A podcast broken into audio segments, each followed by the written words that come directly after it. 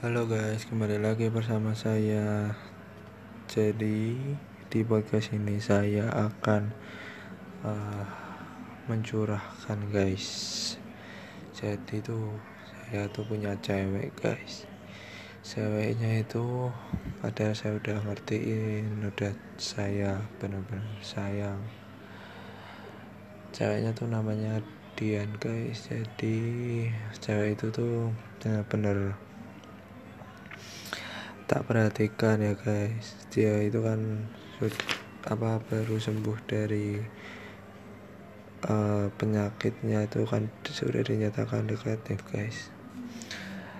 Nah tapi itu saya kayak nggak diperhatiin gitu loh guys. Jadi tuh nggak dihargain gitu guys. Rasanya kayak sakit gitu guys. Uh, gimana sih rasanya sakit hati guys kalau menurut kalian